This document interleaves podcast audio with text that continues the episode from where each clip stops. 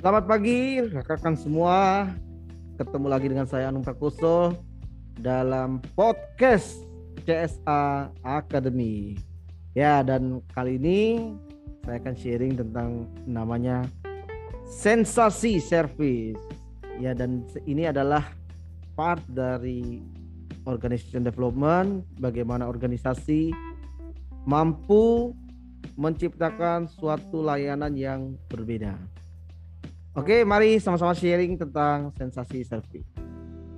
Nah, teman-teman, rekan-rekan semua, kita tahu bahwa service itu adalah salah satu senjata yang membedakan antara satu organisasi dengan organisasi yang lain.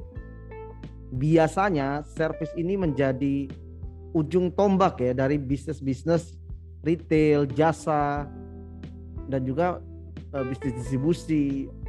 Bahkan sekarang uh, pabrik ya sudah meningkatkan namanya service. Nah, baik itu pre, during atau post service. Jadi sebelum ketika sedang di dalam proses kemudian setelah terjadinya transaksi. Di tahun-tahun sekarang ini tahun-tahun setelah era pandemi kita sadari bahwa bisnis itu berubah benar ya ada transformasi, reformasi, ada di disruption, ya ini anything lah eh, bahasanya ya. Intinya adalah perubahan. Nah, perubahan itu suatu hal yang juga berbeda. Karena apa? Karena kita mengikuti pola dari customer di mana perusahaan kita. Nah, teman-teman, kita tahu bahwa banyak sekali kalau bicara service ya, kalau Anda googling, googling aja di uh, Google gitu ya. Ketika Anda mengklik tentang service, nah berapa banyak yang Anda temukan? Itu saya tulis kata service saya menemukan 19 miliar 630 juta.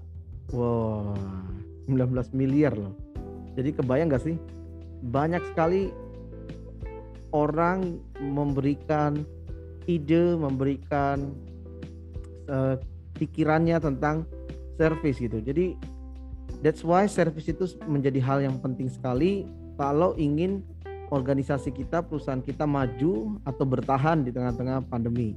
Nah, sekarang saya mau sharing tentang sensasi service. Ini adalah sebuah service yang menurut saya akan mampu membuat uh, first impression yang baik bagi organisasi. Namanya sensasi service. Sensasi itu adalah sebuah gabungan gabungan ya, sebuah singkatan dari kata-kata senyum, salam, sapa dan informatif. Jadi sensasi, senyum, salam, sapa dan informatif.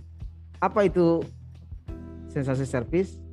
Ya jadi sensasi service ini adalah sebuah layanan yang targetnya itu adalah membuat first impression yang powerful gitu untuk customer yang datang atau customer yang bertransaksi atau customer yang bekerja sama dengan kita. Nah, sensasi service itu apa aja tadi saya sudah bilang di awal bahwa dimulai dengan senyum. Senyum itu sesuatu yang sangat diperlukan ketika kita yaitu dengan memberikan senyum.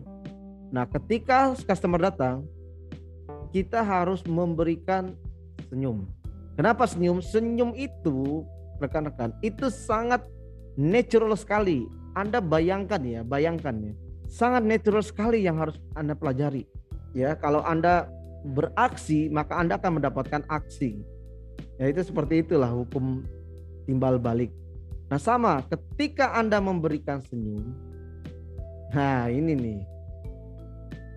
Maka Anda juga akan mendapatkan senyuman balik. Wah tergantung Pak. Tergantung orang yang kita senyumin gitu loh. Saya sudah senyum tapi kok orangnya nggak balas senyum. Nah berarti ketulusan senyuman Anda tuh levelnya sampai berapa gitu loh. Ada orang yang senyum.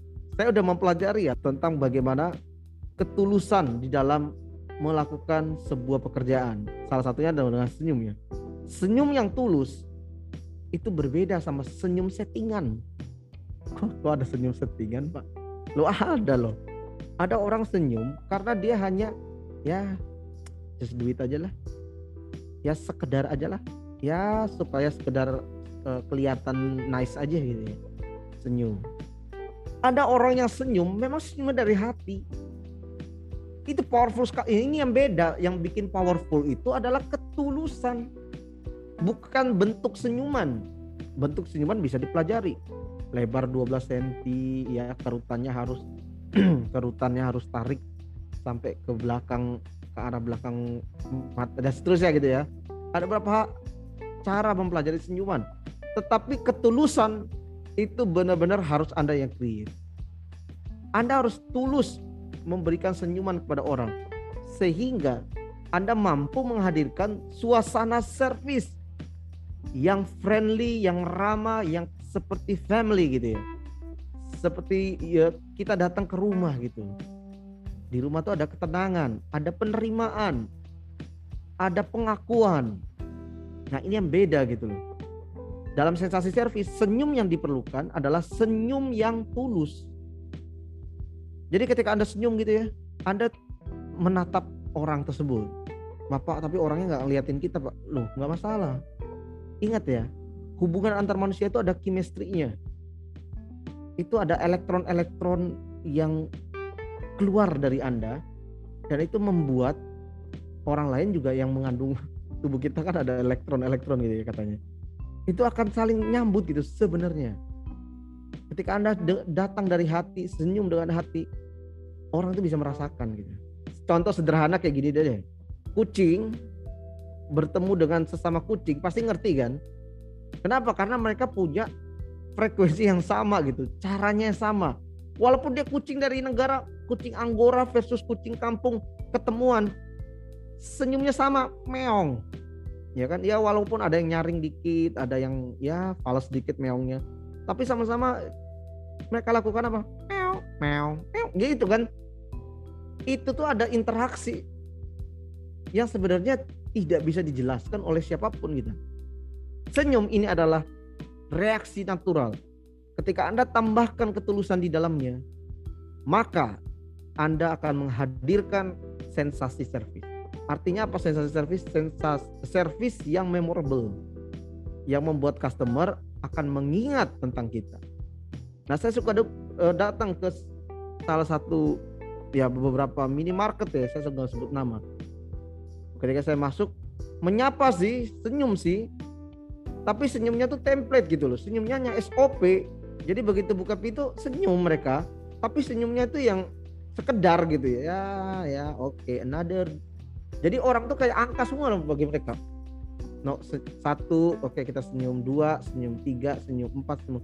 Padahal si satu ini namanya Anung si dua ini namanya Andi si tiga itu namanya Yoni dan seterusnya gitu loh kita harus mendudukan orang pada posisinya. Wah ini kejauhan, senyum doang pak sampai sebegitunya. Iya, Anda mau menghadirkan sebuah servis yang berbeda dari yang lain. Anda harus buat sesuatu yang tidak bisa ditiru oleh orang lain. Makanya saya kasih namanya sensasi servis. Pertama senyum. Jadi kalau customer datang sambut dengan senyuman, dengan tulus. Kemudian ingat kontak mata. Lihat, kita melihat mereka menghormati mereka seperti mereka adalah orang-orang terhormat, adalah tamu, adalah tuan, adalah pimpinan, manajer, GM, ataupun eksekutif paling tinggi. Ketika Anda menyambut orang dengan tulus, menatap matanya dengan sopan dan bersahabat, serta memberikan sedikit anggukan kecil, ini menandakan bahwa kita adalah orang-orang yang siap membantu orang lain Orang-orang merasa welcome. Dan juga orang merasa tidak terhakimi. Ada orang senyum kemudian menatap, tapi menatapnya kosong. Atau kadang-kadang menatap sinis. Ya contoh nih orang beli nggak sih? Datang-datang. Atau lihat kan kalau dari penampilan, aduh penampilannya celana pendek, aduh udah gitu kakinya berbulu dan segala macam. Nggak pernah di ini kali ya. Sandalnya jelek kotor gitu. Itu langsung membuat kita gak tulus tatapan kita juga sinis, merendahkan bahkan ke arah sana. Sehingga orang tidak welcome, orang tidak ya tidak merasa homey. Nah ini yang beda gitu loh. Kalau anda ingin menampilkan sebuah servis yang berbeda di walaupun di tengah pandemi, post pandemi, dalam berbagai situasi, maka saya perkenalkan namanya sensasi servis ini. Dimulai dengan senyuman yang tulus. Ingat, apa tadi senyuman? Ketika customer datang, engkau berikan senyuman atau ketika Anda bertemu dengan customer Anda, Anda memberikan senyuman, ketulusan, dan ingat, ada beberapa hal lagi. Lihat tatap matanya dengan sopan dan bersahabat. Kemudian beri sedikit ya, gestur yaitu berikan anggukan kecil. Ini menandakan bahwa Anda siap membantu orang tersebut. Yang berikutnya dalam sensasi servis, pertama senyum, yang kedua salam. Nah, salam di sini ketika apa sih yang membedakan salamnya sensasi servis dengan servis yang lainnya? Nah, saya mau sharing salam yang diberikan dalam sensasi servis ini harus punya ya kita harus bakukan ada standarisasi sehingga apa? Karena salam ini harus sama antara siapa pun yang ada dalam organisasi tersebut. Ini harus dibuat standarnya. Terserah ya mau ada salam dewi lah, salam uh, pendeta lah, salam macam-macam kan ada salam ada macam-macam ya. Bentuknya macam-macam. Tapi yang berbeda ketika memberikan salam dalam salah servis ini adalah sikap sempurna. Jadi ketika memberikan salam, Anda harus memberi berada dalam sikap sempurna. Badan tegak. Posisi tangan harus senada kanan dan kirinya. Kemudian Anda melakukan salam tersebut. Sederhana ya? Iya sederhana. Tapi sering dilupakan. Ini adalah hal kecil tetapi hal yang kecil ini menjadi adalah sesuatu yang awal yang besar lainnya. Jadi walaupun terlihatnya sederhana sepele tapi ini adalah sesuatu yang fundamental yang akan membuat customer merasa bahwa Anda adalah partner yang tepat dan mereka bisa percaya kepada Anda. Ketika mereka percaya, maka akan terjadi repeat order, mereka akan uh, lebih banyak lagi berbelanja, menginvestasikan uangnya ke Anda gitu, atau bekerja sama sama Anda dan seterusnya. Yang pertama senyum, yang kedua salam. Salam harus berikan dengan sikap sempurna. Apa artinya sikap sempurna? Artinya Anda ini orang yang bisa dipercaya kalau tadi senyum tulus memberikan impact bahwa Anda welcome, Anda siap membantu, Anda sebagai tim support. Salam Anda lakukan dengan sikap sempurna, mendandakan bahwa yes, I'm ready. Saya siap. Ya kan Anda senang kan kalau bertemu sama orang yang sigap, orang yang tanggap, orang yang cekatan, ketika bekerja bersama Anda senang ya? Oh, iyalah, siapa juga nggak mau. Bahkan saya mau bayar lebih lah untuk orang yang bisa uh, mengerjakan seperti itu gitu. Kalau pagi memberikan siapa? Selamat pagi Pak Nung. Siap. Wah, gitu kan. Iya loh. Kalau Anda gimana tuh, Pak? Sama nggak kayak saya? Ya kan, saya pernah datang satu hotel yang berbintang ya. Ya kalau di dunia perhotelan semua tentang servis memang udah terstandarisasi tetapi cara cara cara melakukannya ini yang harus berbeda gitu kalau tadi anda senyum banyak yang senyum tapi senyumnya masih belum tulus gitu. Nah kita harus memberikan ketulusan. Memberikan salam. Sikapnya nggak sempurna. Jadi contoh ya dia memberikan salam pada saya tapi sembari melakukan hal lain gitu. Jadi se, ketika saya datang mungkin dia tidak menyimak gitu memperhatikan kedatangan saya. Jadi sambil memberikan salam tapi sambil nyatet gitu ya, resepsionisnya. Padahal hotel bintang loh. Harusnya memberikan salam dengan salam dewi atau taruh tangan di dada. Pagi pak gitu pagi. Tapi ini tidak saya nggak menyalahkan ini tapi masalah personalnya gitu bukan masalah hotelnya dan standarisasinya bukan. Ini masalah personal orang tersebut. Jadi sambil nulis dia memberikan salam akhirnya dia bilang, "Oh, selamat datang Pak. Ada yang bisa kami bantu?" gitu ya. Tapi saya menangkap pesan dari raut mukanya bahwa dia sedang kebingungan terhadap satu hal. Nah, entah ya, mungkin ada arsip yang keselip atau lagi ngurusin sesuatu, ada ada call dari bosnya atau ya I don't know lah ya. Ada masalah rumah tangga mungkin ya kita nggak pernah ngerti gitu. Ya. Tetapi itu tidak boleh dilakukan di depan customer. Karena ketika customer datang ke kita gitu ya, itu harus 50% itu harus terjadi transaksi minimal. Kalau mereka sudah datang bertemu sama kita gitu. Jadi memberikan sesuatu harus yang semaksimal mungkin. Salam harus diberikan dengan sikap sempurna.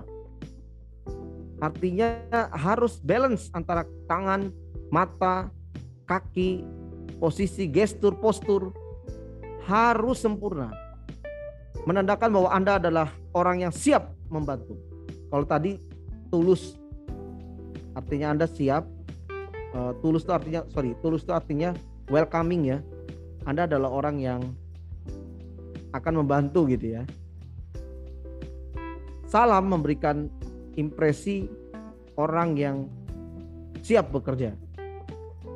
Kalau Anda datang jam 8 pagi, pagi-pagi atau jam 6 saya pernah masuk eh, ya pagi hari ya. Saya pernah datang ke sebuah rumah makan gitu ya. Pagi-pagi gitu. Ada sebuah di Dieng kalau nggak salah di Wonosobo itu satu satu warung kopi lah ya. Tapi pelayanan memberikan salamnya itu saya semangat banget gitu loh. Pagi-pagi itu bilang, "Selamat pagi Bapak, Selamat datang ke kedai kami Pak. Silahkan duduk. Ada kopi hangat, kopi susu, ada teh yang bisa siap menemani pagi hari yang dingin. Woi. Nanti boleh ya kalau mau nanya, siapa tukang kopinya tuh? Boleh nanya, saya kasih tahu lokasinya. Senang nggak Anda seperti itu? Wah senang banget pagi-pagi buta baru bangun gitu ya. Dalam perjalanan baru tersadar. Kemudian ketemu sama orang yang sudah memberikan maksimal gitu loh dalam memberikan salam. Aduh, energizing sekali gitu. Inilah sensasi service, sesuatu yang memorable gitu orang ingat. Senyum, salam. Nah, yang ketiga adalah sapa. Dalam memberikan sapa dalam sensasi service ini, wajib untuk setiap kita memberikan sapaan yang sesuai dengan customernya yang identik sama customer. Contoh, bapak, ibu, kak, adik. Nah, itu harus disebutin. Ya, pasti kan sering. Oh, itu semua sering, Pak. Oke. Tapi tata caranya seperti ini. Ketika memberikan sapa, ini ada sebuah template yang coba saya rumuskan ya. Selamat. Nah, waktunya kapan? Pagi, siang, sore, malam gitu ya. Yang kedua, sebutkan title. Bapak, Ibu, Kak. Selamat pagi, Bapak kalau memang dia seorang pria dan waktunya pagi, katakan selamat datang di organisasi Anda. Selamat datang di Toserba kami. Kemudian sebutkan dengan nama Anda atau nama tim Anda yang sedang melayani. Saya ulang ya skripnya. Selamat pagi Bapak. Kalau kita nggak tahu namanya, selamat pagi ini customer customer yang kita nggak ngerti ya. Kalau di retail kan kita nggak ngerti siapa yang datang. Selamat pagi Bapak. Selamat datang di toko kami dengan Anu, dengan Aan. Nah, itu sebutin namanya. Dengan Anu ada yang bisa kami bantu. Dengan skrip yang tadi, jadi Anda sebutin pertama selamat. Selamat pagi, siang, sore. Sebutkan title. Selamat pagi, siang, sore Pak, Bu, Kak, Ade, Selamat datang di perusahaan Anda siap apa, toko Anda apa. Dengan Anung di sini Pak, dengan Aan, dengan Joni, dengan Yuni, sebutkan nama. Ada yang bisa saya bantu. Nah, ya ini salam ini kurang lebih seperti banyak yang udah sama ya. Nah ini perlu, perlu. Kenapa? Karena sesudah Anda memberikan senyuman, Anda memberikan salam, Kemudian Anda menyapa. Nah, menyapa ini penting untuk apa tadi? Mengenali customer Anda. Kalau senyum tadi ketulusan, salam itu adalah sikap sempurna, sapa Anda harus mengenali customer Anda. Mungkin bisa pakai sebutan daerah gitu. Selamat datang Pak, Bu, selamat datang kalau di Jawa, Mas. Selamat datang jeng gitu. Atau mau kalau yang nasional ya Bu, Pak, Kak, Adek gitu. Nah, sapaan ini harus mengenali customernya. Sebisa mungkin, sedapat mungkin mengenali. Kalau Anda udah mendapatkan list, list namanya, sebutkan namanya. Pastikan namanya itu tepat gitu ya atau Anda sedang ada namanya random ada ada di 40 orang yang Anda harus belikan sapa. Makanya Anda harus tanya. Selamat pagi, selamat pagi Pak, selamat datang di hotel kami dengan Anung Anung di sini Pak, ada yang bisa saya bantu? Kalau udah tahu namanya, selamat datang Bapak Budi. Selamat datang di toko kami dengan saya Anung Pak. Ada yang bisa saya bantu Pak Budi? Nah, gitu Kenali minimal nama. Kenapa loh? Karena tahukah Anda arti dari sebuah nama? Tahukah arti dari sebuah gelar, sebuah nama? Itu punya arti loh. Nama saya Anu. Anu. Itu ada artinya. Arti dari orang tua saya yang sangat bagus. Ketika orang tua memberikan nama, dia punya ekspektasi tertentu dia punya doa, dia punya harapan, punya imajinasi tertentu terhadap anaknya. Makanya diberi nama. Ya kan? Karena nama itu adalah sebuah identitas.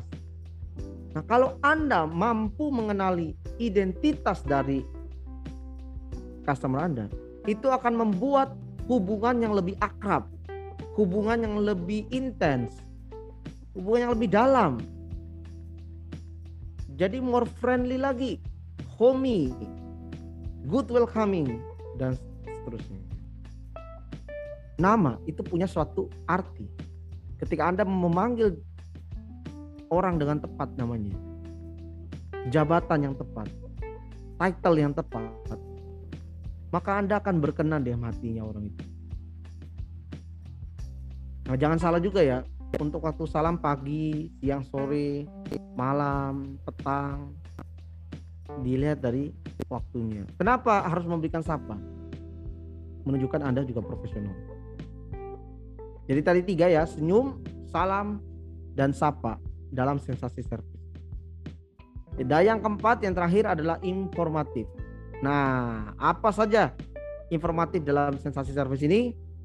Yang pertama, ketika Anda ingin menjadi orang yang informatif, pertama tanya dulu kebutuhan dari customer Anda. Tanya kebutuhannya apa.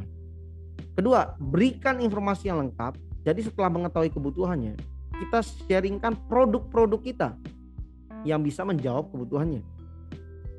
Yang ketiga, harus antusias. Seperti Anda nggak bertemu dia lima tahun, kangen banget gitu ya, terus ketemu gitu. Nah itu kan antusias itu kayak begitu gitu. Keempat, jaga jarak komunikasi yang nyaman. Kalau Anda udah cukup dekat, Anda bisa berjarak yang lebih dekat pula. Tapi kalau Anda adalah profesional, nah jaga jarak satu meter lah. Atau satu satu setengah meter gitu ya. Itu jarak-jarak profesional untuk berbicara sama orang gitu. Kemudian apa? Jangan ragu untuk mengantarkan customer berkeliling melihat produk Anda, proses Anda, berkeliling melihat apa yang dia butuhkan antarkan gitu ya. Saya pernah menguji ya sebuah minimarket gitu ya. Saya sebenarnya udah tahu bahwa posisi sampo yang saya cari itu ada di mana. Tapi saya kemudian datang dia lagi di kasir. Kebetulan sepi. Saya bertanya mbak saya cari sampo. Sederhana. Orang itu langsung bilang sampo apa pak? Oh bapak cari sampo. Sampo apa pak yang uh, biasa pakai. Saya cari mereknya ini gitu. Baik pak. Uh, ini ada di sini pak. Nah dia ber, beranjak dari posisi kasir dia sejenak mengantarkan saya ke produknya. Wah ini saya bilang ini great banget. Ini great banget seperti saya ke bank. Ya pak ada keperluan apa? Saya mau ke inkaso gitu atau saya mau bagian investasi. Baik pak. Bagian investasi terus dia pencetin nomor urut kan? Nah dia yang pencetin nomor urutnya terus ambil kertasnya kasih ke saya. Ini juga satu hal yang sangat natural sekali gitu loh informatif sekali gitu. Membuat saya jadi berkesan. Nah inilah yang mau kita hadirkan dalam sensasi servis. Kemudian apa jika ada pertanyaan yang belum mampu dijawab, panggil rekan yang sudah berpengalaman supaya informasinya bisa terselesaikan, tersampaikan dengan baik. Jika customer beli, ucapkan terima kasih karena telah membeli produk tersebut. Jika belum beli, ucapkan juga terima kasih atas kunjungannya. Jadi kita tidak uh, nyinyir ya sama customer. Udah nanya-nanya nggak beli gitu kan. No, kita harus memberikan informasi yang nyaman buat customer. Kalau dia beli, saya thank you. Dia nggak beli, thank you juga buat kunjungan kunjungannya dan ungkapkan bahwa kita siap membantu anytime dibutuhkan gitu ya. Kasih nomor telepon sama kartu nama kalau ada. Ini memberikan bahwa Anda orang yang sangat menghargai setiap waktu. Anda bayangin lah, orang udah datang ke tempat kita, itu dia udah buang waktunya dia gitu karena kita sudah membuang waktunya dia, kita harus memberikan sebuah yang sesuatu hal yang spesial buat dia. Karena dia udah jauh-jauh datang ke kita, itu udah buang waktu, buang tenaga, buang uang gitu ya. Nah kita berikan kartu nama. Kalau dia butuh pertolongan tentang produk-produk yang terkait dengan kita, dia bisa call kita. Atau dia butuh konsultasi tentang bidang dari produk yang kita jual, dia bisa bisa call kita. Nah dengan WA kan dia lebih bebas. Sewaktu-waktu mau nanya, dia bisa catat nomor kita dan kemudian kita dia kita bisa hubungin. Kita bisa dihubungin anytime. Dan jangan lupa kalau bisa sopan juga minta nomor teleponnya supaya kita bisa membangun hubungan terus. Dan yang terakhir adalah ucapkan terima kasih, beri salam dan akhiri serta kalau bisa mengantarkan customer sampai keluar dari toko keluar dari perusahaan kita. Antarkan ke lift. Antarkan dia keluar dan dia merasa dia dihargai. Nah itu dia teman-teman. Jadi sensasi service adalah sebuah service yang powerful untuk menciptakan first impression. Dan semoga apa yang tadi saya sharing benar-benar bisa menjadi insight buat siapa pun yang mendengar podcast hari ini. Dan semoga kita sama-sama bertumbuh organisasi kita berkembang dan terus bisa maju bisa sustain dalam berbagai situasi dan kondisi dan keadaan. Terima kasih. Sampai ketemu lagi di podcast saya Akademi berikutnya. Salam semangat